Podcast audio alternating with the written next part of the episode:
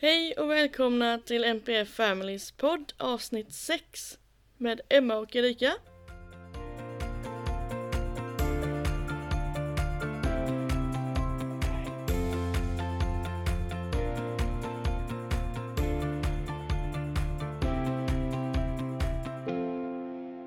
Vi vill börja med att säga stort tack till all den respons vi har fått på de fem första poddavsnitten.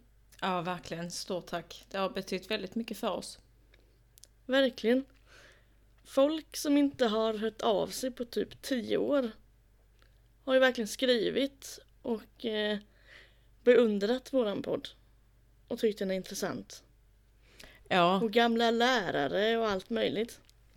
ja så eh, människor man inte känner som, eh, som har hört av sig och eh, gett väldigt fina eh, kommentarer. Det är jätteroligt. Och det, det värmer ju såklart hjärtat att, eh, att vår po- podd gör nytta.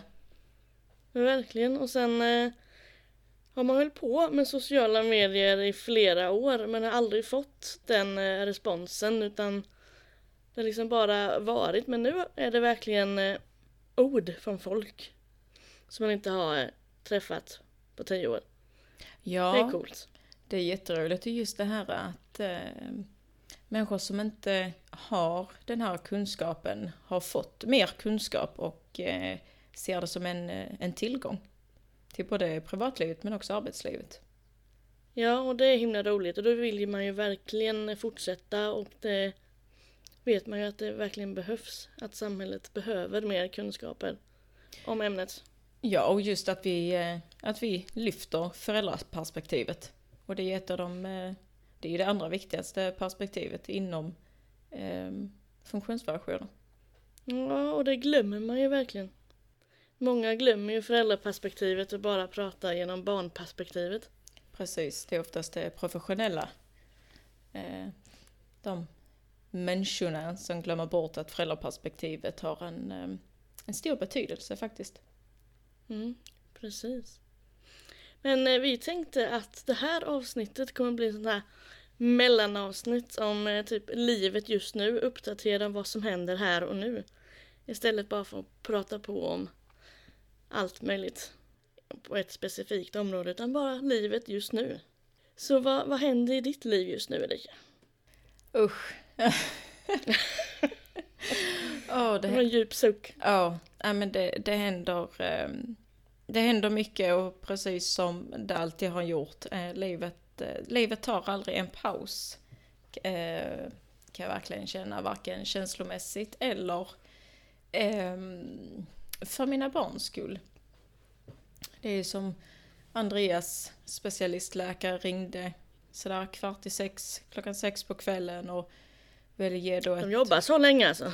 Eh, uppenbarligen så eh, jobbar hon, jag blev också är jätteförvånad att hon ringde och eh, ville dela med sig då eh, gällande hennes kortvuxenhet att hon hade konsulterat med andra läkare och de är då oroliga för eh, allt som gäller då med kortvuxenhet och, och så. Så att det blir inget lugnt år för min yngsta flicka eh, detta året heller utan nu så väntar vi på att det är eh, hennes sjuksköterska som ska höra av sig. Så vi ska planera med blodprover och besök och sånt återigen under våren. Ja, det är bara till att bryta ihop och komma igen igen. Ja, lite så. Vi hade Vad är de eh, oroliga för att det är? det som hon sa att alltså, de är ju oroliga för, alltså de utgår ju mycket ifrån hennes växtkurva eh, när det gäller Mm. henne, hennes kortvuxenhet. Eh, och sen har hon ju också då hypermobilitet, alltså överrörlighet i kroppen. Mm. Eh, och det ställer då till det. Eh, om man då utgår från tandläkaren så kan de ju redan säga att eh, hennes tänder utgår ju från den biologiska åldern som är sju, men att själva ansiktet och huvudet inte följer eh, den biologiska åldern. Så redan där har de Så, ju... te- så tänderna är normalt för åldern men inte huvudet Ja. och eh, allt annat. Precis, det stämmer. Och redan där har de ju då kunnat se att där kan det ju bli bekymmer framöver och att de kan behöva till exempel dra ut tänder för att minimera pressen inuti käkarna. Ja, det Så kan att- bli på det viset. ja. Så att just då när det gäller med kortvuxenheten så har de ju då sett de här andra läkarna som jag inte har träffat och inte har pratat med utan enbart fått eh, information ifrån hennes specialistläkare. Så är där en oro. Men eh, har de ingen diagnos på den? Nej, alltså det hon eh, sa väldigt lite. Eh, hennes specialistläkare vill inte ta så mycket över telefon utan hon vill gärna att man träffas så att man sitter ner och man diskuterar och jag har ju ingen kunskap om just kortvuxenhet. Eh, Nej, man vet ju inte så mycket om det där. Man vet ju bara dvärgar liksom och inget mer. nej men precis och sen att kortvuxenhet, alltså att det finns olika typer av eh, alltså kortvuxenhet. Det finns olika eh, orsaker till kortvuxenhet. Mm. Och eh, det är väl lite det de vill in och gräva lite djupare i. Vad det är som orsakar det, om det ligger något annat syndrom eller ja, vad det nu än är. Och lite hur hennes inre organ fungerar, om de utgår ifrån den biologiska åldern eller inte. Så att, eh, ja, Har, de, har de eh, röntgat organen och så i kroppen? Om det nej, är förhållandevis med kroppen? nej, det har de inte. Och de har inte eh, gjort en MR eh, över hjärnan heller. Så att de har ju velat minimera så långt det har gått eftersom det kommer bli ett stort eh, ingrepp så att säga. Eh, för då blir det ju sövning och allt sånt här. Eftersom Andrea klarar inte av den typen av eh, undersökningar. Mm. Så ehm, ja, det är mycket som händer med den lilla eh, i vår. Det gör det. Mycket planering och mycket undersökningar. Så att eh, vi får hålla tummarna. Det, lå- ja, det låter som väldigt komplicerat. Ja, eh, och jag, vi har, som sagt jag och hennes läkare, vi har ju väldigt öppen och rak dialog om hennes trauma eh, och hur mycket hennes trauma har påverkat henne och hur mycket hon hatar läkare eftersom hon skriker de vita rockarna. Mm. Ehm, och då sa hon ju det att just att sjuksköterskan kommer och ringa upp eh, och vi kommer eh, utförligt gå igenom hur vi ska göra för att minimera att hon ska återigen få trauma som hon kommer få bearbeta längre fram. Precis, och där måste man ju verkligen ge en plan för varje steg utförligt. Så att det blir som man vill och bästa resultat. Ja men precis, för det som jag sa till henne att eh, hon har ju blivit äldre, hon har blivit starkare. Eh, för det var själv läkaren som poängterat. Det var ju, eh, när hon var mindre så blev det ett övergrepp. Eh, och hon sa att det vill vi absolut inte utföra en gång till. Aude och det sa ju det att jag vill inte att, att mitt barn ska skada din personal och att hon ska skada sig själv. Och det höll hon ju med om. Så att en rak, ärlig dialog är ju alltid eh, det jag vill ha när det kommer till hennes läkarundersökningar och så. Så att en förståelse hos den här läkaren, för att hon har ju känt Andreas sedan hon var två månader gammal. Ja, då har hon ju verkligen varit med sedan start. Det har hon och det är jag tacksam för och jag hoppas innerligt inte att hon eh, går i eh, pension på kanske 80 år till. för, Ja. Nej, för vi behöver henne. Andrea behöver henne. Det, och det är många barn som, som jag tror behöver henne också. Ja, men sådana läkare behövs det fler av. Det är alldeles för många läkare som får sitt legitimation i cornflakespaketet idag. Ja, men lite så. Där förståelse och eh, kunskap är, eh, den är nog på lägsta nivå kan jag tycka. Ja, och som jag har nämnt tidigare i de andra poddavsnitten så vet jag ju precis vad, vad ni kommer gå igenom eftersom vi måste gå igenom samma procedur med Liam.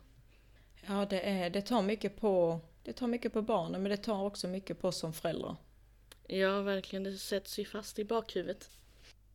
Ja, och har man sett sitt barn vara med om ett övergrepp, eh, det sitter ju kvar, det sitter ju på näthinnan, känslan den, den är ju liksom, den, den är så skör.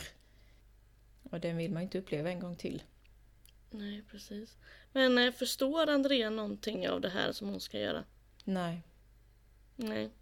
Det är, Är det någonting du kommer ta med henne eller är det något som kommer ske på plats? Nej, alltså det krävs eh, noggrann planering med både tecken som stöd och bildstöd eh, för det Mm. här.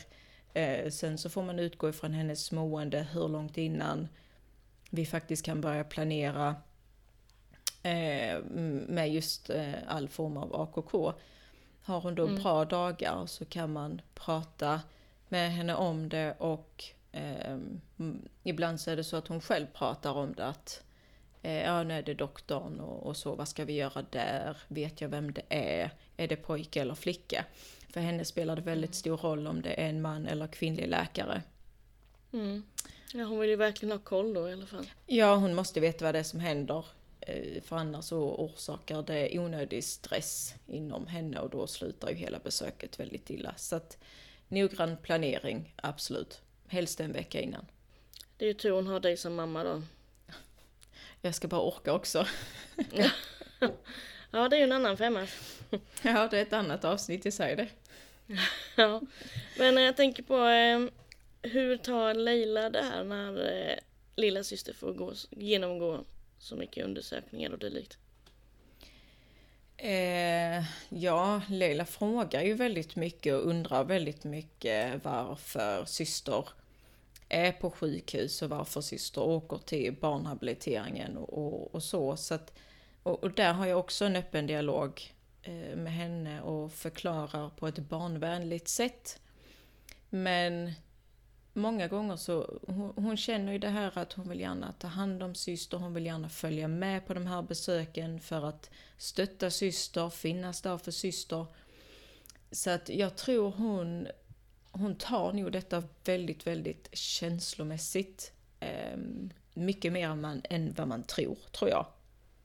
Mm. Det var fint att hon vill finnas där för sin syster. Ja, Får, får hon eh, följa med ibland? Alltså när det, när det har varit de eh, större eh, undersökningarna där hon har behövt bli, alltså för lugnande medel och sånt då, eh, för, för Leilas skull, för att hon ska behålla stora systerrollen i familjen, så har hon inte fått följa med. Och det är ju för att rädda henne lite känslomässigt. Mm. För det ha- hade hon sett vad eh, personalen hade gjort på lilla syster så tror jag nog hon hade blivit jätteledsen. Jag tror till och med hon hade blivit arg. Ja, det är klart. Men det, det har blivit ett trauma för henne också.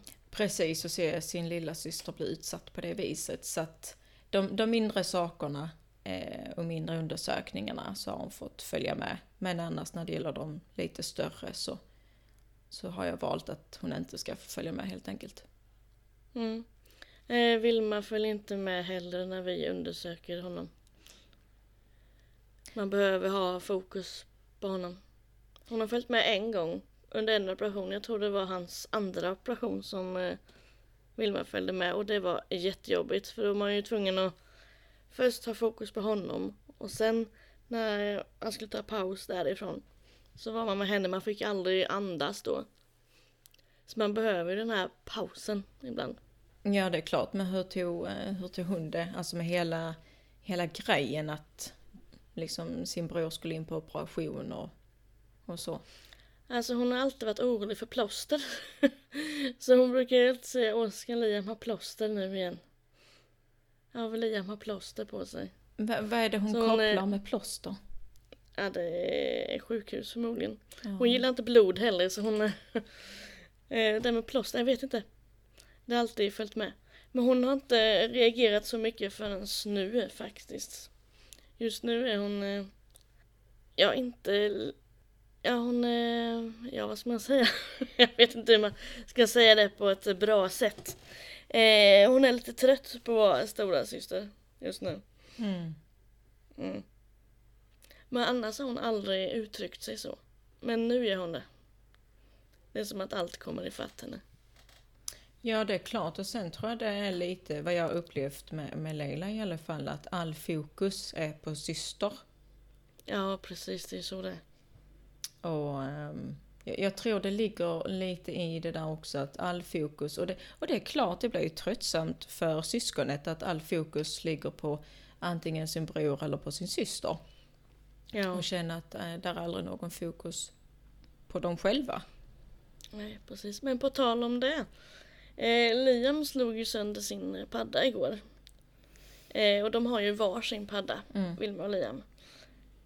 Hade det varit för ett år sedan så hade jag nog gett Vilmas padda till Liam. Men nu tänkte jag varför ska han ta hennes padda?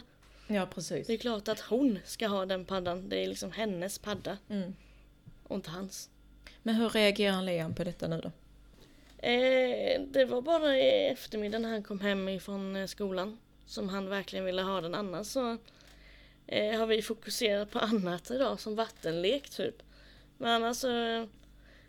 Nej, vi har ju beställt en ny. Eller inte beställt en ny, vi har köpt en begagnad har vi gjort. Som vi väntar på. Men känner du nu att det ligger mer krav hos dig att aktivera Liam sen Ja, plattan gick absolut. sönder? Jag, absolut, jag får ju vara med med. Jag har ju fått... Eh, denna eftermiddag har varit lite mer ansträngande än någon annan dag. För då måste jag liksom aktivera alla tre.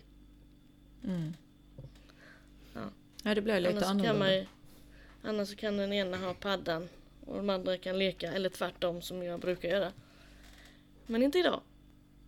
Men Ja, det gick ju bra det med. tänk, vad en, Ingen skada tänk vad en iPad kan göra. Ja, verkligen.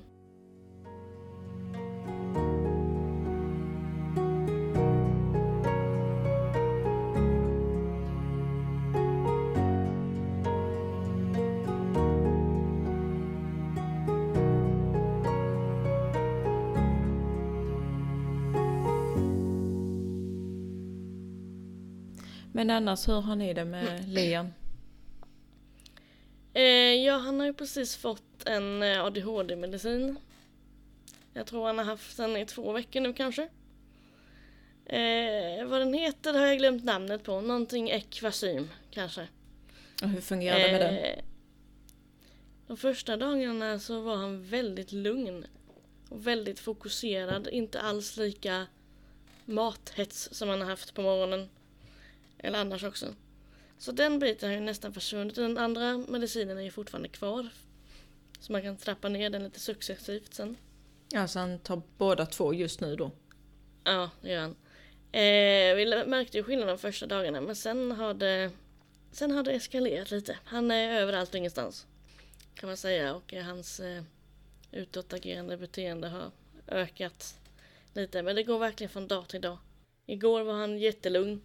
Men när ni skulle börja testa de här ADHD-medicinerna, vad, vilken sorts information får man när man ska börja testa en ADHD-medicin? De pratar om biverkning, biverkningarna i princip. Och att eh, i början så kan de eh, reagera genom att vara tvärt emot som effekten ska vara. Utan de blir mer utåtagerande, mer eh, ambivalenta i humöret innan det börjar verka. Så det skulle väl ta två, tre veckor innan det når sin effekt. Och sen måste man ju öka den lite också. Så jag tror vi måste börja göra det också. Men eh, med den här medicinen så måste man ta blodtrycket ofta. Så det ska vi göra imorgon faktiskt. Och varför är det att man måste ta blodtrycket? För blodtrycket höjs med den här medicinen. Ofta med ADHD-medicinen faktiskt. Ja, nej, jag, jag har ingen kunskap om ADHD-mediciner eh, överhuvudtaget faktiskt. Men det finns många att välja på. Ja, det däremot har jag hört att eh, de som har testat ADHD-mediciner så har de nog fått testa ja, hur många som helst för att just hitta den medicinen som funkar för just deras barn. Verkligen. De, de, en del blir helt apatiska vid ADHD-mediciner. En del slutar äta.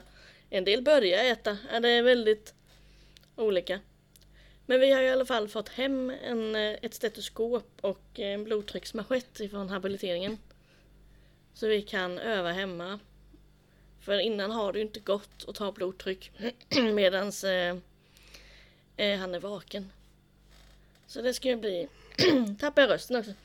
Eh, det ska ju bli otroligt spännande imorgon faktiskt att åka till habiliteringen och se om eh, det har hjälpt.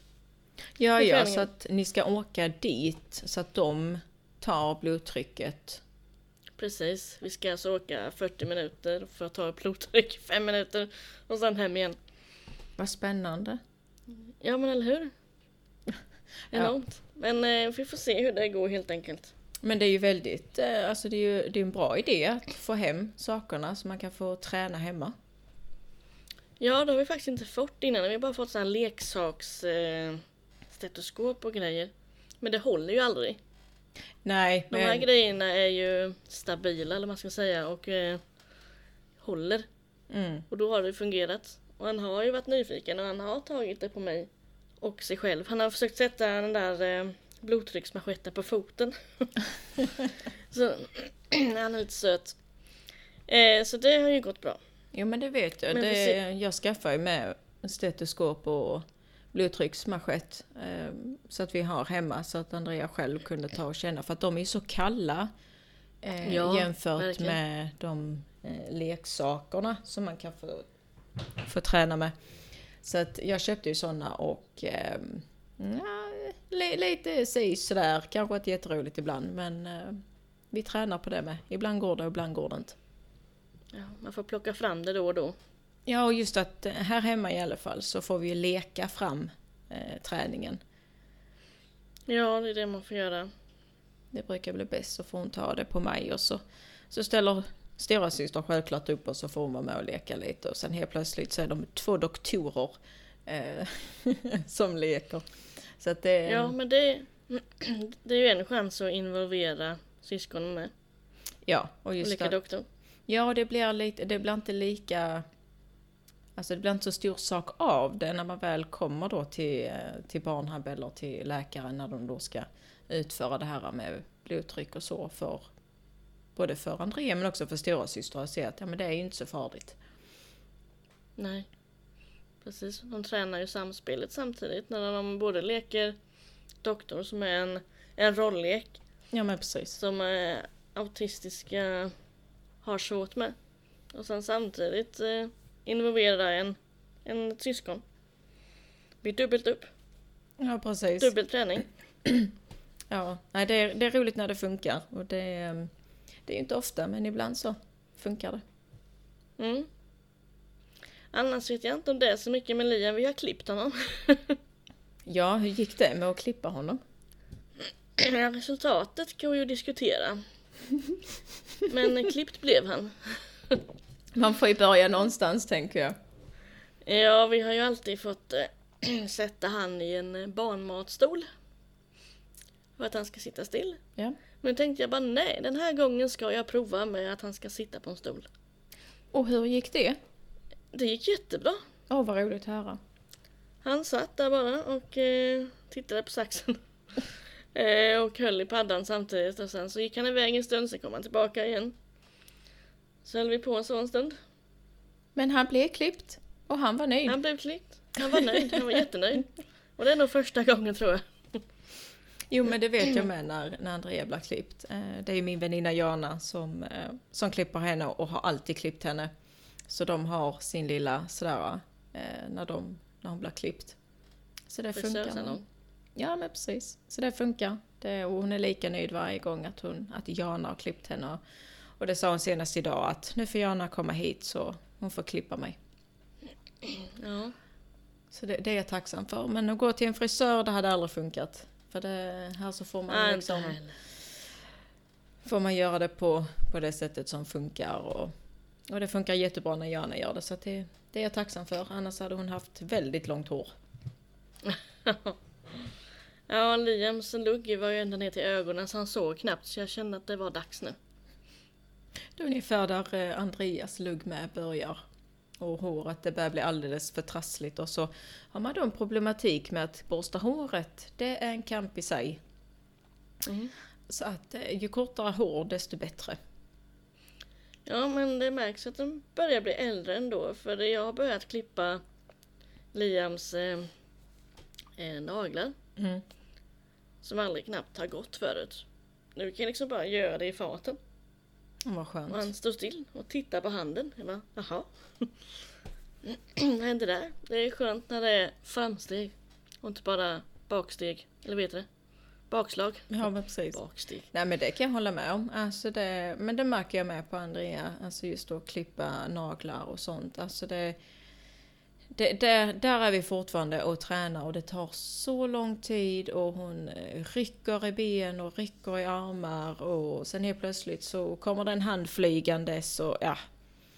Så att eh, där, där får man ta lite och, och så sakta verkligen sakta för rycker hon till så man är ju livrädd där när man sitter där med saxen liksom. Ja, man får vara snabb. Ja, snabb och säker liksom. Ja, nej, det... De där vardagskamperna som, eh, som många inte vet om. Som tar tid. Som tar väldigt mycket tid. Och det, ibland kan jag känna så frustrerad att varför, alltså just det att varför ska det vara så, alltså det är ju bara till att klippa naglarna. Men sen samtidigt, Mm. nej men det är det ju inte och så faller man tillbaka i, sitt egna tänkande och så. Nej men det är Mm. okej, jag fick ta två naglar idag. Ja men då får det vara liksom. Ja, det är bättre än inget. Absolut. Bättre än noll. Ja men det håller jag med. Men jag tänker på när, om du går till frisören och klipper dig, hur reagerar Andrea då? Uff, Det är liksom en förändring. Oj, oj, oj. Ja, det... Ja. Hon påtalar det väldigt starkt. Eh, det gör hon. Eh, speciellt när jag färgar håret. Då måste hon känna, titta, lukta, eh, tittar på mig väldigt suspekt sådär att okej.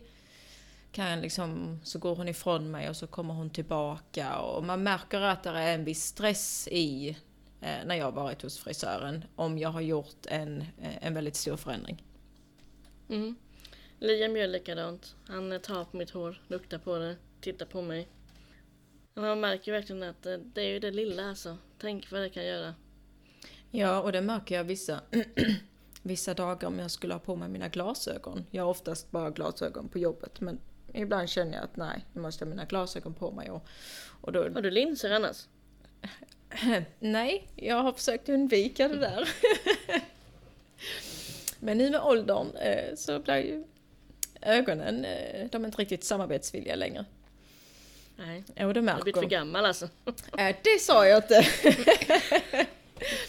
Eh, Påtalade bara att det blir lite förändringar med åren, så att säga.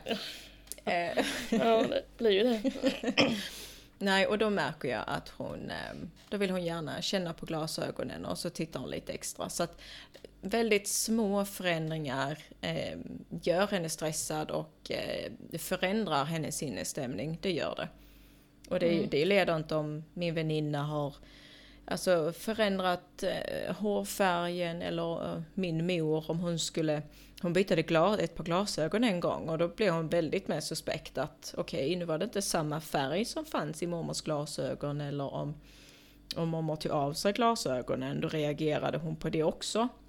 För det, Mm. var, det var någonting som inte stämde. Mm. Precis. Men på tal om sådana små förändringar. I söndags, då var det ju dags för tidsomställningen igen. Till sommartid. Ja. Det är ju djävulens påfynd. Åh, varenda, varenda år. Alltså det, åh. Det, det är en liten, eller nej, det är egentligen ingen liten förändring för det blir en, en, det blir en väldigt stor förändring. Ja, tänk vad en timme kan göra alltså. Ja, alltså om man utgår ifrån deras mående, allt ifrån alltså trötthet, eh, hunger. Alltså det påverkas jättemycket av den timmen. Ja, och det märkte jag på Malte idag när han skulle sova. Han skulle inte sova den tiden som han brukar. Nej. Ja, det, nej, det var eh, alltid konstigt. Så jag förstår inte varför de inte tar bort det här. Det är så onödigt.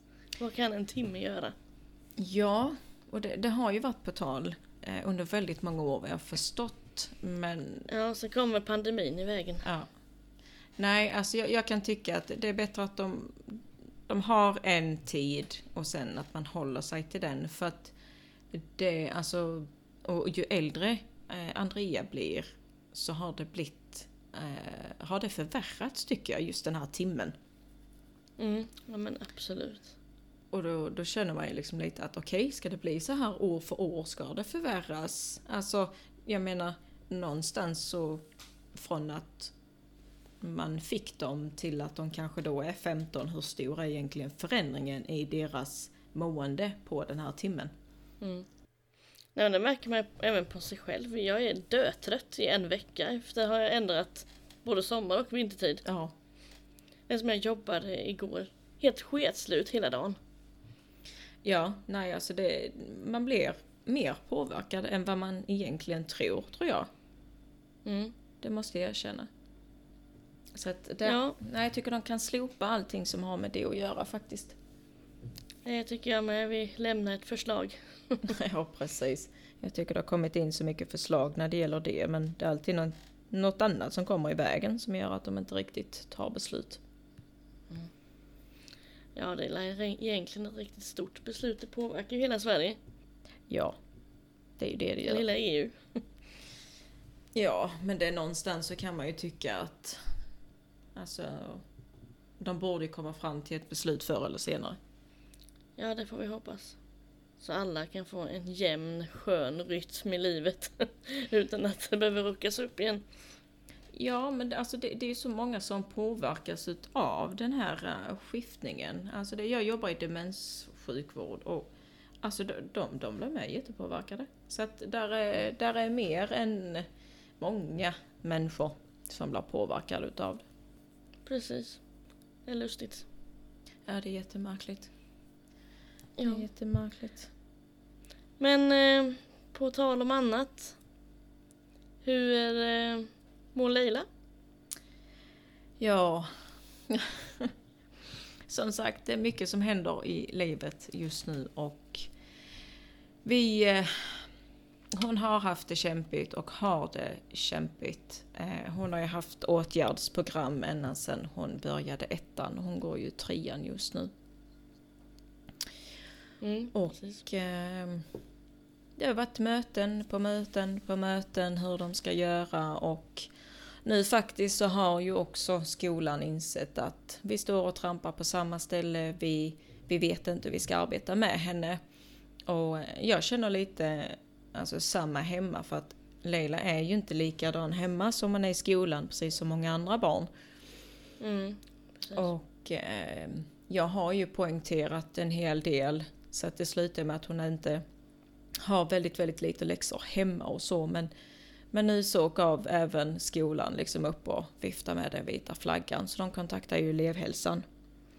Så vi var faktiskt hos en eh, skolpsykolog eh, nu i förra veckan. För att se lite om där är en alltså, underliggande orsak till hennes problematik, både hemma men också i skolan. Håller hon ihop i skolan och, eh, och sen eh, eh, brister det ut känslomässigt när hon kommer hem? Ja. Mm. Och ju äldre hon har blivit, desto värre har det blivit. Ehm, och skolan uttryckte ju sig själva att här lurar hon oss med sin, eh, vad ska man säga, sin sociala charm liksom. Att hon är så glad och pigg och, och har mycket Mm. kompisar och allt det här. Ehm, och då när hon kommer hem så bryter hon ihop och då räcker det i princip att jag ber henne sätta sig och göra läxan och då eh, blir det väldigt mycket skrik och det är otroligt mycket känslor som bubblar upp och eh, flera tillfällen så har hon kastat läxan och bara brutit ihop och stängt in sig på rummet och har kunnat sitta och gråta hur länge som helst. Och Mm. hon uttrycker själv att jag förstår inte varför jag gör som jag gör men jag är fruktansvärt trött. Mm. Så att den kampen har vi haft under en längre tid. ehm, där, där hennes omgivning ehm, ser. Men att skolan har inte varit riktigt observanta fram till hon började tvåan. Men så är det ju, ju mer krav det blir i skolan, desto mer havererar hennes fasad. Mm. Eh, Leila har ju varit väldigt duktig på att maskera och eh, bära den här fasaden, masken då, eh, i skolan och sociala tillställningar och när man träffar henne så är det många som säger att oh, men hon är så pigg och glad och hon är väldigt framåt, hon är oerhört social, leker med allt och alla och ja, beter sig som en flicka. Ja precis, det är vik- viktigt att poängtera att tjejer med funktionsvariationer eh, maskar ju väldigt mycket. Eller maska. ja, de eh, gömmer sig bakom sina kompisar och eh, härmar dem hur de gör. Så det blir svårare att upptäcka på tjejer att de har en funktionsvariation.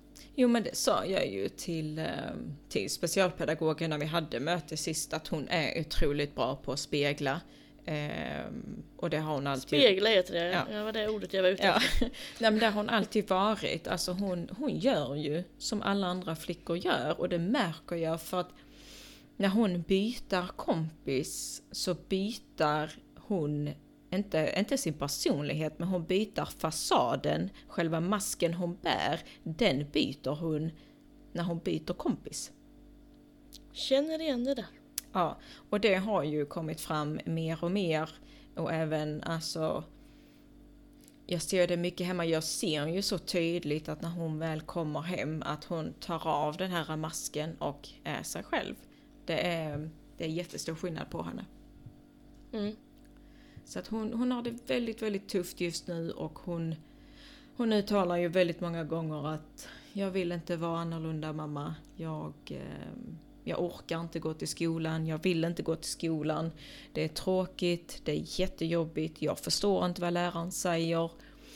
Eh, nu så har de ju påbörjat nationella proven och hon, hon är ju jättenervös, hon bär enormt mycket stress och press. Hon eh, säger det att det känns som att skolan ställer så höga krav att det här måste man kunna och så att hon, hon, hon är lite som en tickande bomb känslomässigt just nu. Så att skulle hon inte, Mm.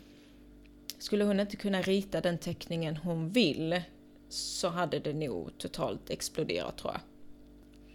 Eh, är det inte så att nationella proven och det, kan man inte få anpassningar i det? Eh, jo, och hon har fått eh, anpassningar. Eh, hon har fått mer anpassningar än vad hon faktiskt är eh, berättigad till. Ja men det är skönt att det är något som fungerar i skolvärlden i alla fall. Ja, eh, men återigen, jag specialpedagogen, vi går långt tillbaka eh, för hon var på förskolan när Andrea gick på den förskolan. Eh, så vi har ju en, ja, en relation ända sen, sen dess.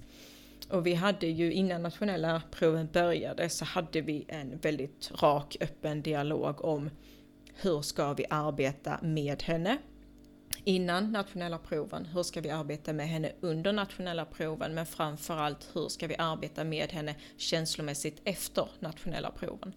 Eh, för jag, jag förespråkar alltid att man ska arbeta förebyggande i alla lägen. Ja absolut, det håller jag verkligen med om. Men jag kan eh, känna igen henne i det för jag, eh, jag var inte bra i skolan. Och jag klarar nog, jag har nog aldrig klarat ett nationellt prov tror jag inte. Jag hade blivit människa av mig också. Ja. Men eh, Nej, men jag det, kan förstå henne i det. För jag var ja, också sjukt nervös och jag förstår inte varför alla andra klarar det. Men inte jag. nej, men alltså, och jag förstår inte varför de lägger det så tidigt för att barnen ska få lov att få vara barn, men att de drar ner nationella proven till den här tidiga åldern gör att barnen får inte vara barn för att redan nu så lägger det stor press, det är krav och tyvärr, föräldrar ställer krav på sina barn att du måste klara nationella proven. Det är ett viktigt prov, det är ett stort prov. Eh, Mm. Men just det här att arbeta känslomässigt. Och det kom vi överens om vid mötet innan att vi är båda fullt medvetna om att det kommer inte gå bra på de här proven. Eh, och, men att vi arbetar med henne känslomässigt. Att lärarna och specialpedagogen kommer lyfta hennes insats under nationella proven, kommer berömma henne, att hon, hon- hon gör sitt bästa och att, det, att hon är närvarande helt enkelt. Och, och sen då att de lyfter henne känslomässigt. Ehm, och det, det var inget krav jag hade men det är lite det jag, jag ifrågasatte hur de ska arbeta med henne känslomässigt för att jag vill inte att hon återigen ska känna ett misslyckande. Mm. Men de säger ju att eh, nationella prov aldrig ska inväga i betyget men ändå är det så stort. Jag får inte det att gå ihop riktigt. Nej, alltså vad jag, vad jag fick till mig eh, om just den här typen av nationella proven i den här åldern, alltså årskurs 3, att det har ingenting med betygen att göra och det kommer inte vara en grund för betygen heller, utan det är en lite generell undersökning de vill göra när det gäller tredje klass. Ehm, men då, då känner jag också att okej, men kan man inte göra det på ett annat sätt? Finns det inte annat sätt man kan lägga upp en kartläggning på som lärarna arbetar lite vad ska man säga, inte, inte under radarn men på något sätt alltså att arbeta med barnen på ett annat sätt för att få fram den här eh, undersökningen på ett helt annat vis. Mm. Är det svenska och matte man har nationella prov i nian? Eller nian, alltså trean menar jag. Det, det är även engelska.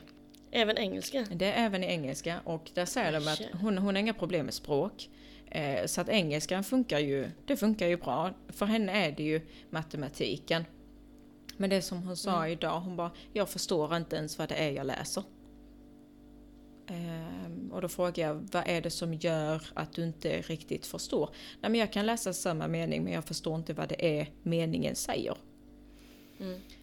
Så att, ja, är, hon har det jättetufft och uh, jag önskar att skolan hade kunnat förändra det här systemet med just nationella proven i den här åldern för att det är många i den här åldern, speciellt flickor, som kanske fortfarande är odiagnostiserad men där ligger en, en problematik som gör att de inte riktigt kan hantera den här typen av prov.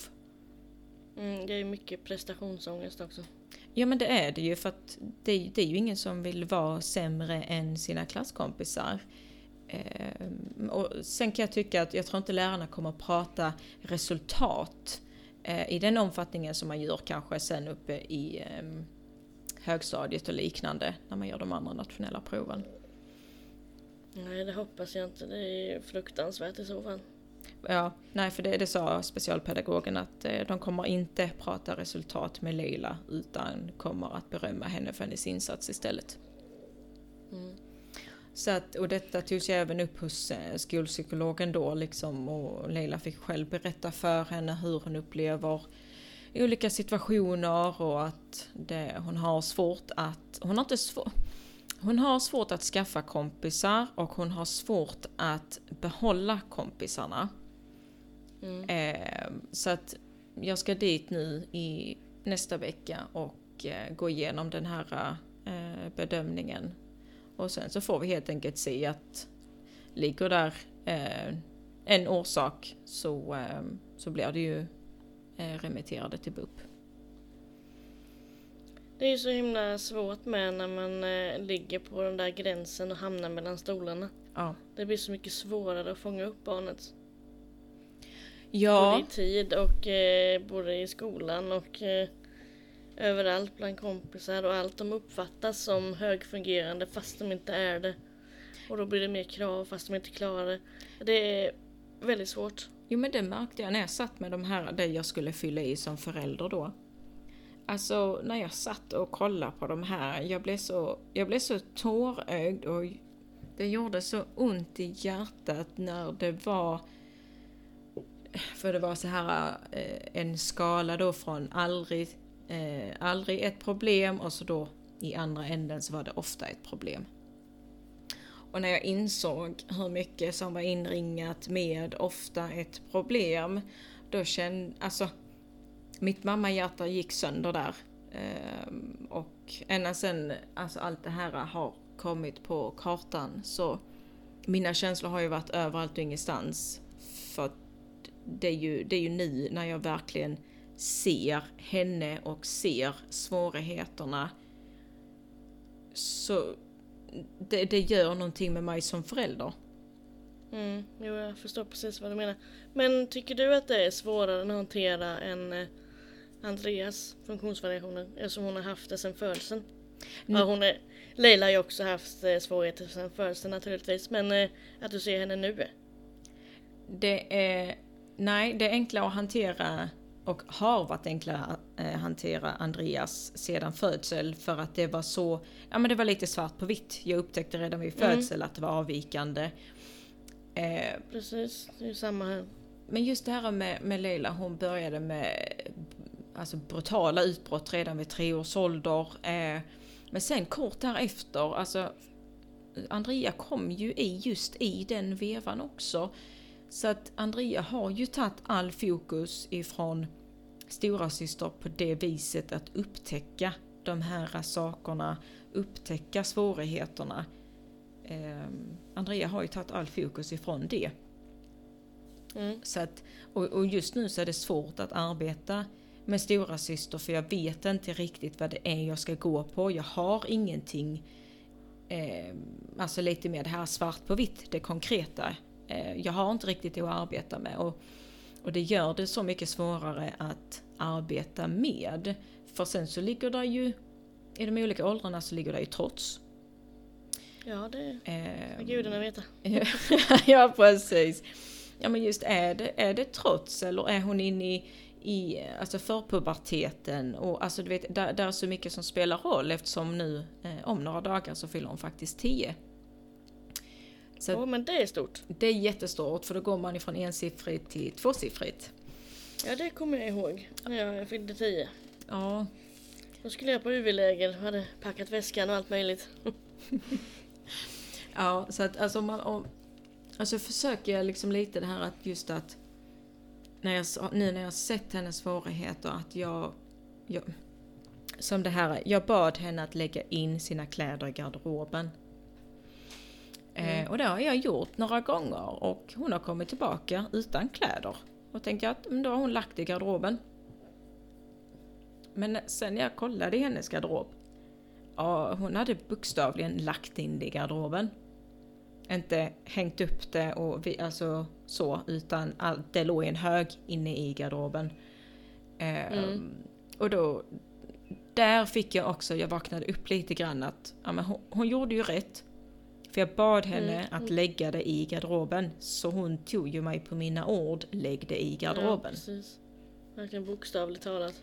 Ja, lite så. Så, att, så nu har jag ju, jag har ju tagit väck allting sånt ifrån henne. Alltså alla krav, äh, krav och krav, men just det här, äh, det minimumkrav hemma, som till exempel lägga in kläderna i garderoben. Jag har ju tagit Mm. väck allting sånt och nu märker jag ju att den stressen och den känslomässiga biten inte lika stark för nu när hon kommer hem så får hon bara vara. Och Det det, och det har gjort eh, en jättestor skillnad på hennes mående. Mm. Det har det.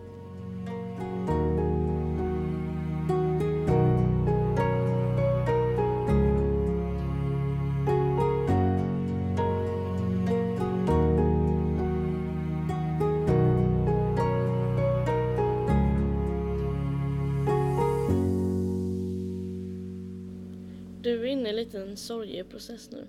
Ja, eh, mina känslor är överallt och ingenstans och eh, som jag har pratat med min väninna, jag har pratat med dig om det, jag pratade med min mamma, även med min bror och jag kände liksom att jag känner så oerhört mycket skuld.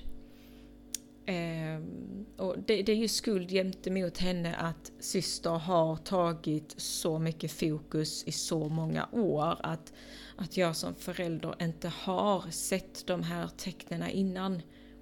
Mm. Ehm, och det, jag, jag blir ledsen på mig själv, jag blir besviken på mig själv med tanke på, jag återigen eh, utbildad.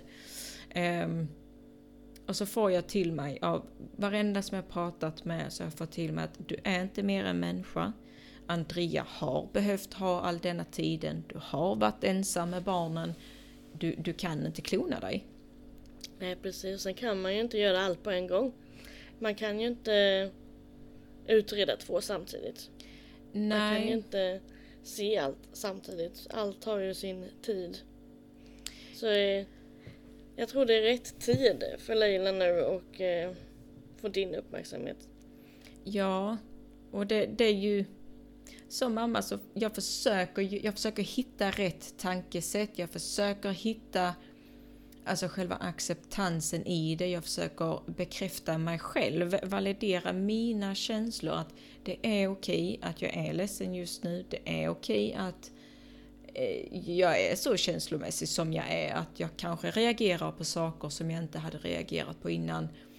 För att just nu så ja, men känslorna är överallt och ingenstans. Och det märker jag själv att många gånger så ja, men jag tittar på henne och så, så känner jag ögonen att oh, nej, nu, nu, må- nu måste jag gå undan. Eh, för då känner jag att nu blir jag ledsen och då, då har det räckt att jag liksom har tittat på henne för det känns som att jag som förälder i min föräldraroll att jag har svikit mitt egna barn. det har det verkligen inte gjort. Men det du säger nu, det är nog extremt många föräldrar som känner så. Och det är nog extremt viktigt att framföra att det är okej okay att känna så.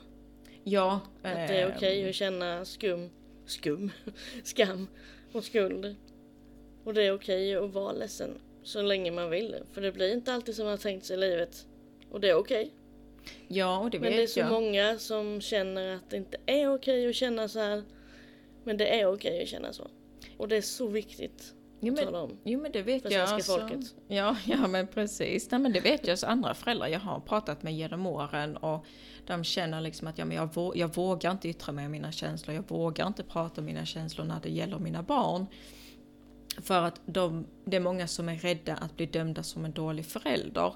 Men det, det man måste komma ihåg som förälder, vi är människor, vi, vi är inga vi är inga eh, superföräldrar för, alltså, och liksom har några speciella glasögon vi tar på oss, att vi ser allting. Eh, utan vi är vanliga föräldrar som gör det vi kan för våra barn. Ja precis, mer kan man ju inte göra och bara det genom att vi bryr oss och vet vi frågar oss själva hur mår våra barn. Det är bara där är vi bra föräldrar. Det hade varit värre om man inte hade brytt sig eller tänkt på hur barnen mår och skitit i det. Ja, jo men det håller jag med om. Men just det här att alltså, från allt, allt startade så har jag gått igenom, liksom, jag har gått igenom åren, jag, har gått, jag rannsakar mig själv väldigt mycket och eh, hur kan jag bli en bättre medmänniska, hur kan jag bli en bättre förälder och jag menar, jag går och utbildar mig så fort eh, barnhabiliteringen har olika utbildningar. Jag anmäler mig för att bli en bättre förälder utifrån funktionsvariationer. Men just det här att jag har ju pratat med Leila genom åren och just det här att hur, hur känner du? Hur ser du på saker och ting? Vad kan mamma göra eh, för att det ska bli lite enklare? Och, och sen har ju någonting som jag upplevt under de här åren är att barn, hon har så svårt att sätta ord på det hon känner. Mm. Och att, som det här med till exempel att hon känner sig annorlunda. Ja men vad är det som gör att du känner dig annorlunda? Jag vet inte. Jag känner mig annorlunda, jag känner mig utanför. Eh, känner ingen gemenskap med någon. Mm. Eh, ja, det måste ju vara en, en väldigt jobbig känsla att vara i. Jo men det, och det, det, där har jag varit väldigt eh, öppen och haft en dialog med Leila och sagt att eh, jag känner likadant. Jag har också känt så genom åren att var jag än är så jag tillhör inte någonstans, jag känner inte att jag är eh, en i gruppen eller en i arbetsgruppen eller en i, bland vännerna liksom utan att jag är ju medveten om att jag funkar på ett annat vis och att jag har ett annat tankesätt. Så att jag kan ju relatera så mycket till Leila, speciellt nu när hon har blivit äldre. Att vi mm. kan prata om de här eh, sakerna, att hon har blivit mer och mer öppen för att prata om hur hon känner och just det här att vara annorlunda. Mm. Men det, det, det... Så himla fint att kunna ha den mor och dotterrelationen ändå och kunna prata om sådana saker för det är nog inte många som kan. Nej, alltså för, men det, för mig är det jätteviktigt för att hon hon är, alltså hon, det, är, det är min, min första flicka och vi har gått igenom mm. otroligt mycket tillsammans och mm. det, men hon är, hon är bara nio. Alltså vi, hon, hon har så mycket känslor och hon är ju väldigt känslosam som person. Eh, mm. Mina känslor kom inte fram förrän jag fick barn. Men redan Nej, nu som liten så bär hon på väldigt mycket känslor och agerar utifrån sina känslor. Eh, mm. Och för mig har jag ju jag, jag, tror man är lite arbetsskadad där faktiskt för att jag vill alltid hitta Alltså i grund och botten, vad är det som gör att hon har det här beteendet? Och gör oftast kart. Jag är likadan. Jag ska verkligen rannsaka allt ifrån ja. vad är det som gör Men precis. Och vad, vad, vad, är det som, vad var det, vilken trigger var detta nu? Och, ja, men man försöker liksom göra sin egna lilla kartläggning på, på själva situationen. Och, precis, och lista ut varenda detalj. Ja men lite så och det, det, är många som säger till mig ja, men du, du, är, du är arbetsskadad, det är liksom behandlingsvärden. Ja, men det är det för att mitt arbete i behandlingsvärlden är att observera nya beteende och avvikande beteende. Eh, Mm. och det gör man ju jämt och ständigt hemma. Det kan jag ju säga. Mm. Ja, det gör man. På gott och ont. Ja men precis. Så att, nej, så vi, vi alla tre befinner oss i en, eh, i en jobbig och svår eh, situation just nu. Både känslomässigt och ja men det händer mycket och liksom hur... Ja men just den här känslan av att orken. Hur länge ska man orka som förälder egentligen? Precis. Men på något sätt så gör man. bara, Ja, det är bara... Man gör det bara. Det finns inget annat, även om man är helt slut ibland. Jo men det har jag fått till Och även, och även det är viktigt att känna. Att eh, man får känna att man är trött. Ja, Det är ingen, inget fel. Utan det, ja men det just... var bara bra. Jo men just det här alltså att lyfta föräldraperspektivet. Jag tycker det är så otroligt viktigt för att föräldrar är människor. Föräldrar bär på otroligt mycket känslor och vi är inga robotar. Vi, vi är som vem som helst. Vi blir trötta, vi blir ledsna, vi blir frustrerade. Vi har, alltså, vi har ju tusen känslor vi också. Ja, Och det är jätteviktigt att lyfta att vad vi än känner i just den situationen, att det är okej. Det är Mm. okej att bara sätta sig inne på toaletten i en minut för att andas. Och bara, jag måste ha en paus alltså. mm, Det är jätteviktigt att lyfta att det är okej. Det är okej att känna att nu misslyckades jag med detta, eh, men nu tar man nya tag. precis. Men eh, jag tänkte... Leila och Andrea har ju... Eller Andrea har ju inte lika stort verbalt språk som Leila. Nej. Eh, vad tycker du är skillnaden där när du fångar upp Andrea och fångar upp Leila? Du får, får du jobba på två olika sätt? Eller hur gör du? Ja, det är helt, eh, helt olika arbetssätt eh, när, när det gäller de två. Ehm, Och vad tycker du är svårast? Är det svårast att fånga upp ett, eh, ett barn som inte har fullt utvecklat verbalt språk eller en som har ett fullt utvecklat verbalt språk? jag, tycker det, jag tycker det är svårare att fånga upp stora syster som har ett verbalt språk för Alltså hon, hon bär så mycket på insidan, och, men hon visar ingenting. Visst, hon, hon blir ledsen och så, men sen visar hon ingenting. Andrea då som inte har det verbala språket med sig eh, och har sin eh, språkstörning, men hon visar. Är hon arg, hon tar sönder saker, hon kastar saker, hon slåss, bits, spottas, hon agerar ut. Och då förstår... Precis, Då förstår det är raka rör där. Ja men precis, för då märker jag att okej, någonting stämmer inte, där är en trigger, hon mår dåligt eller så har hon ont. Någonting. Men hon agerar ut, hon visar det väldigt klart och tydligt. Medan då stora syster som har det verbala språket med sig visar kanske 70% av 100% vad hon egentligen vill och inte vill och vad hon känner och vad hon inte känner. Jag eh, känner precis likadant. Eh, Jag tycker att det är mycket lättare att möta upp Liam för man vet vad som är fel. Mm. För det är lätt att se det. Blir han arg, då är han arg. Är han glad, då är han jätteglad. Det är väldigt starka känslor gånger tusen. Ja men precis. Eh, och det är mycket lättare än att försöka leta efter det andra vad som är fel. Ja, det, det kan jag hålla med om. Alltså just det här lirkandet. För att när, Mm. När man arbetar med, med stora syster så, så använder jag mycket, alltså det här äh, försöker att använda och utgå ifrån psykologi, lite äh, MI och lite, alltså du vet liksom lite de här, eh, vad ska man säga, alltså det man har lärt sig att arbeta med. Men ändå så, så Konkreta verktyg. Ja men, ja men så går det liksom ändå inte för att, att där är något underliggande som, som går emot det man faktiskt försöker att arbeta med.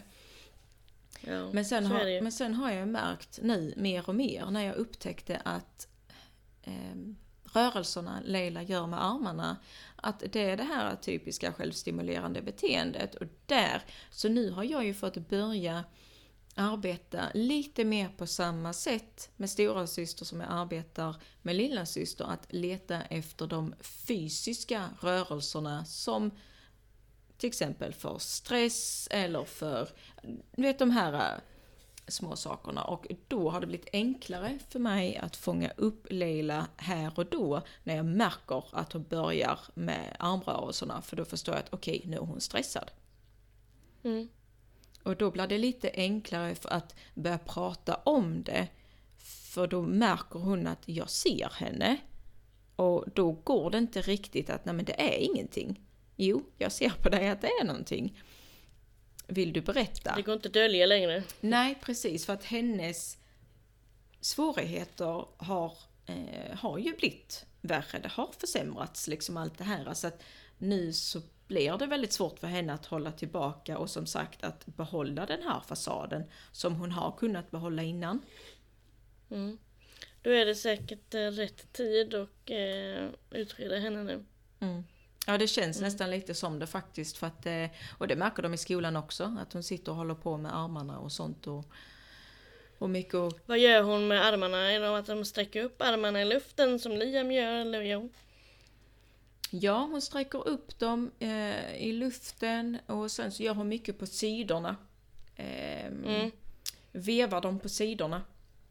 Ja, så gör Liam också. Och när hon sitter upp ner. I luften och på sidan och överallt. Ja, och sen så då när hon sitter ner så kan hon veva med dem, alltså framme vid bröstkorgen liksom. Mm. Um, så att, ja, hon, hon visar mer och mer kroppsligt att det är någonting som inte riktigt stämmer och där har det blivit enklare när jag bytade arbetssätt. Um, så har det blivit mycket enklare att, uh, att se hur hon mår helt enkelt på den mm. fysiska mm fysiska biten. Hon kanske omedvetet eh, plockar fram eh, mer och mer för att du eh, ska se det mer och mer. Så att hon kan få svart på vitt på vad, vad det är för någonting. Hon ja. kan jobba utifrån det.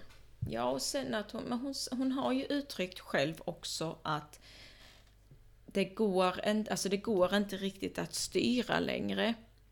Utan Nej. att det blir, det känns bättre att alltså att veva på armarna eller eh, veva på benen och den här fysiska biten, att ha, den, ha kroppen i rörelse. Eh, det känns, det känns bättre för en och det känns lättare i kroppen att, att göra de här rörelserna. Och, Förstår. Ja, nej, så det, det, det är mycket som händer i vardagslivet just nu och det är mycket som kommer hända under våren. Så ja, Ja, det låter så. Det här avsnittet var ju extremt viktigt känner jag. För att lyfta särskilt det där med föräldraperspektivet om skam ja. och skuldkänslor och allt det där och inte känna sig ensam och att man får känna sorg och får vara ledsen. Enormt viktigt avsnitt så jag hoppas många lyssnar på. Ja. Som du framhävde väldigt bra tyckte jag. Ja, jag sitter på denna sidan och gör allt för att hålla tårarna inne kan jag säga. Det har varit väldigt, det är väldigt jobbigt att dela med sig av av känslor. Eh, det är det i föräldrarollen. Det, det är jättejobbigt och det är någonting som jag har det är någonting som jag har fått acceptera med mig själv att det är okej okay och jag måste få lov att prata om mina känslor för att jag, jag kan inte ha det på insidan. Jag kan inte bygga upp den här tickande bomben för det är varken bra för mig och det är inte bra för min familj. Nej, precis. Så att det, men det är bra att eh, vi kan göra det i podden tillsammans. Det känns som att man har ett vanligt samtal med inslag av terapisamtal samtidigt. ja men precis. Nej, det känns bra att få dela med sig för jag vet om att det är så många andra föräldrar som sitter hemma, sitter på jobbet och bär den här eh, mycket, mycket med, skuldkänslor. Med klumpen i magen och ja. lämna barnet i en skolmiljö som inte är trygg. Precis. Ja, och det här som man har sett väldigt mycket på Facebook, på artiklar, på allt möjligt inom skolvärlden. Att det är 38 procent av alla föräldrar som har barn med funktionsvariationer tvingas gå ner i tid. Mm. För att barnen inte klarar av att vara i skolmiljön. Och 8 procent av de här måste vara med barnen i skolan. Alltså det har jag typ aldrig hört innan så det måste ju ha eskalerat väldigt mycket. Ja, jag, blev, jag blev väldigt eh, berörd när jag, när, jag, när jag läste det där, alltså att, att föräldrar ska behöva vara i skolan på plats sida vid sida med sina barn för att barnet ska kunna hantera skolmiljön. Precis, och jag tänker bara, ja, nej, det känns så fel bara. Jag blir nästan upprörd när jag tänker på det. Ja men det känns ju jättefel, alltså hela samhället, alltså samhället sviker ju våra barn, sviker allas barn i, alltså i det här. Det, det är inte okej och det, det, detta ska inte hända. Alltså det, det är Sverige Nej. 2023, något sånt här. Alltså för mig, jag trodde att ja, men det, det var så långt ifrån vad jag trodde om Sveriges samhälle. Mm, verkligen. Och sen... Eh, jag hade skämts ihjäl om jag hade alltså varit involverad i det. Att man inte kan lösa skolsituationen för just det barnet. Då måste man ta till föräldern. Det är, inte alls, det är ju inte föräldraransvaret utan det är skolans ansvar. Och se till att barn fungerar i skolan. Ja, och definitivt att de får rätt anpassning och där kommer ju kommunens ansvar också in. Alltså, ja. och hela skollagen ska vi inte ens ta och prata om. Allting handlar om barnens rätt i att Precis. vistas i skolan. Och det är som, det är som jag läste häromdagen, alltså det är att där är, alltså vanligtvis så älskar barnen att gå till skolan. Och just att första varningstecknet för specifikt för flickor det är att när de börjar uttrycka sig om att de inte vill vara i skolan, de vill inte gå dit. Och att då föräldern ska behöva vara i skolan för, för att, det, för att barnet kanske ska, ska kunna gå dit. Mm. Alltså var, var, har vi hamnat Sverige 2023? Vad, vad händer? Det, detta är så, det är så stort svek. Ja, vad gick fel? Ja, det kan man ju börja undra vad som gick fel. Ja. Nej, nej det är verkligen... Alltså, och i sådana här sammanhang där märker man ju att okunskapen är så stor i skolvärlden, i kommuner, även lagmässigt. Alltså Sveriges lagar borde ju alltså göra rätt så mycket förändringar, både när det gäller skollagen men också eh, LSS. Men just det här att det ska, alltså även om det står i lagen att barn har rätt till stöd Eh, och även att de då inte behöver ha en medicinsk eh, diagnos. Men att det ska inte vara chans för skolor, för rektorer, för eh, förskolan. De ska inte kunna hitta kryphål för att slippa sätta in resurs, de ska slippa anpassa efter barnen. Det måste bli så mycket hårdare så att de inte lyckas med detta. För de backas alltid upp av kommunen. Ja, visst är det sjukt. Och jag förstår inte hur man kan sitta, det som jag brukar, brukar prata om att våra barn, när det gäller en vågskål, våra barn är i en av vågskålarna och i den andra vågskålen, där är det alltid den ekonomiska frågan. Och våra barn förlorar alltid i den vågskålen. Mm.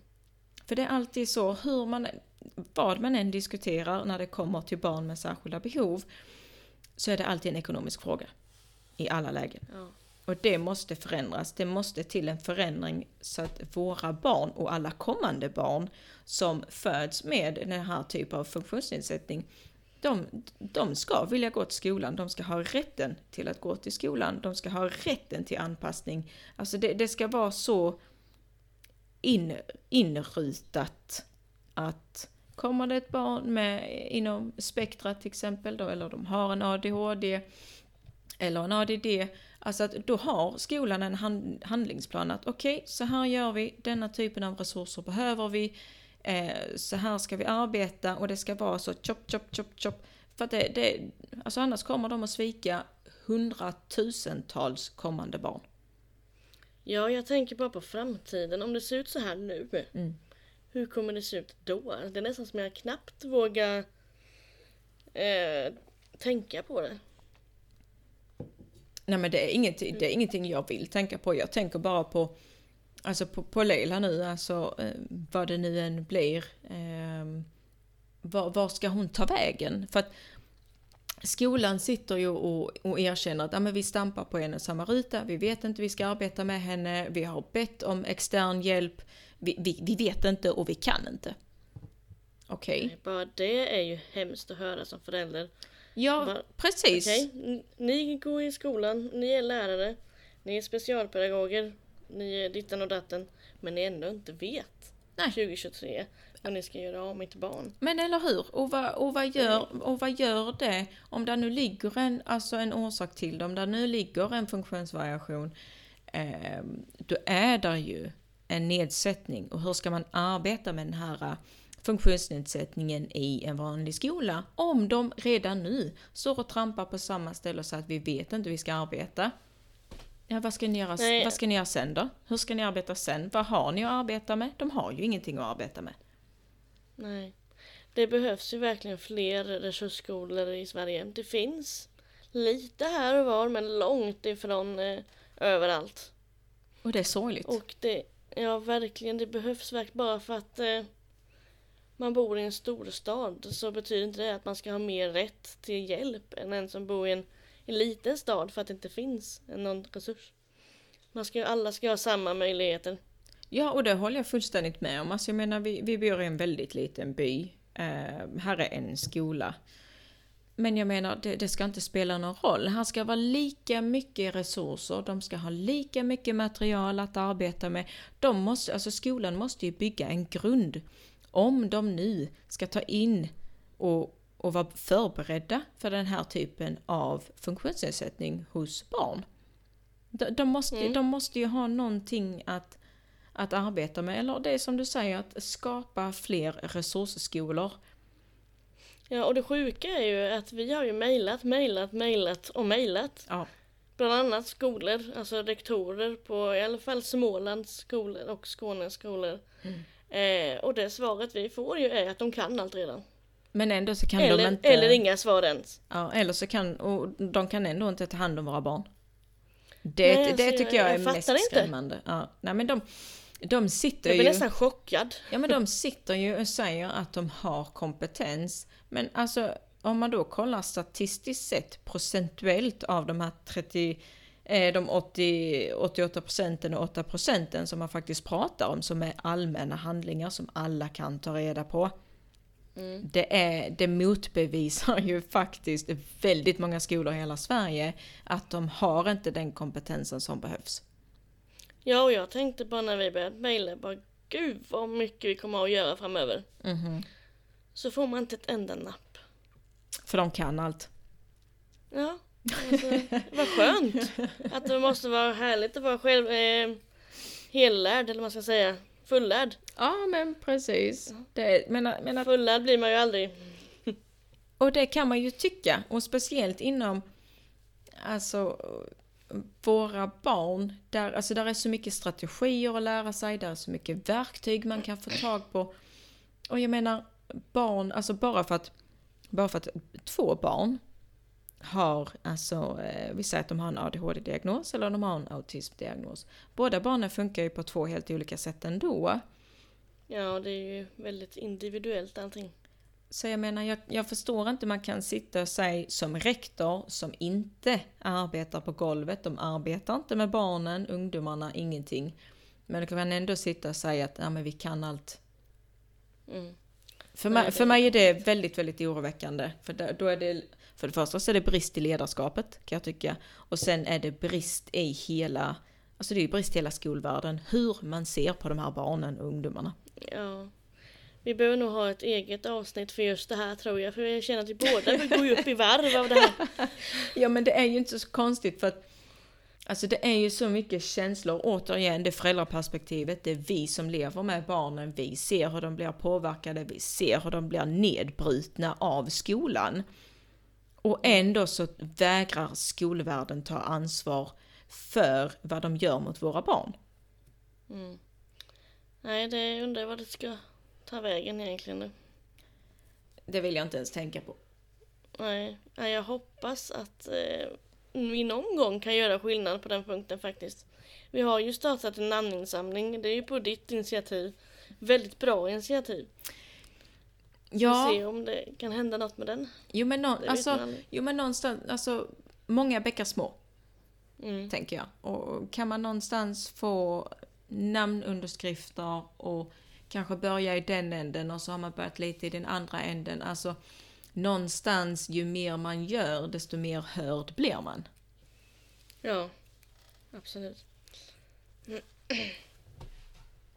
Så är det. Men eh, ska vi ta och knyta säcken? Ja, annars så Det blir kommer ett det... väldigt, väldigt långt avsnitt så här. Ja, Känsloladdat och... eh, Men jag tror att det här avsnittet var väldigt eh, uppskattat tror jag många. Ja och... ehm, ja, som sagt. Det, prata om sina känslor och acceptera sina känslor. Och dela med sig av sina känslor framförallt. Det är jätteviktigt. Ja, Jag känner att musten gick ur mig lite nu alltså. Ja, jag kände med det. Så att tårarna är nära liksom. Jag gråta sig till sömns. Usch. Ja men alltså ska vi ta och eh, avrunda här kanske? Ja, det tycker jag. Ja. Men eh, tack för det som lyssnar. Det betyder mycket. Otroligt Och mycket. tack för att jag får göra det här med dig som har världens bästa kompetens. Nej, det är jag som ska tacka dig. För det utan, utan dig och din eh, live där för några månader sedan så eh, hade jag inte riktigt stått där jag är idag. Så, eh, Nej, inte jag heller. nej. Så stort tack. Inte jag heller. Ja, tack själv. själv. Ja, men ni får ha det så bra alla tittare där ute. Eller lyssnare kanske det heter förresten i poddvärlden. Ha det så bra allihopa. Ja, Hej. hej hej.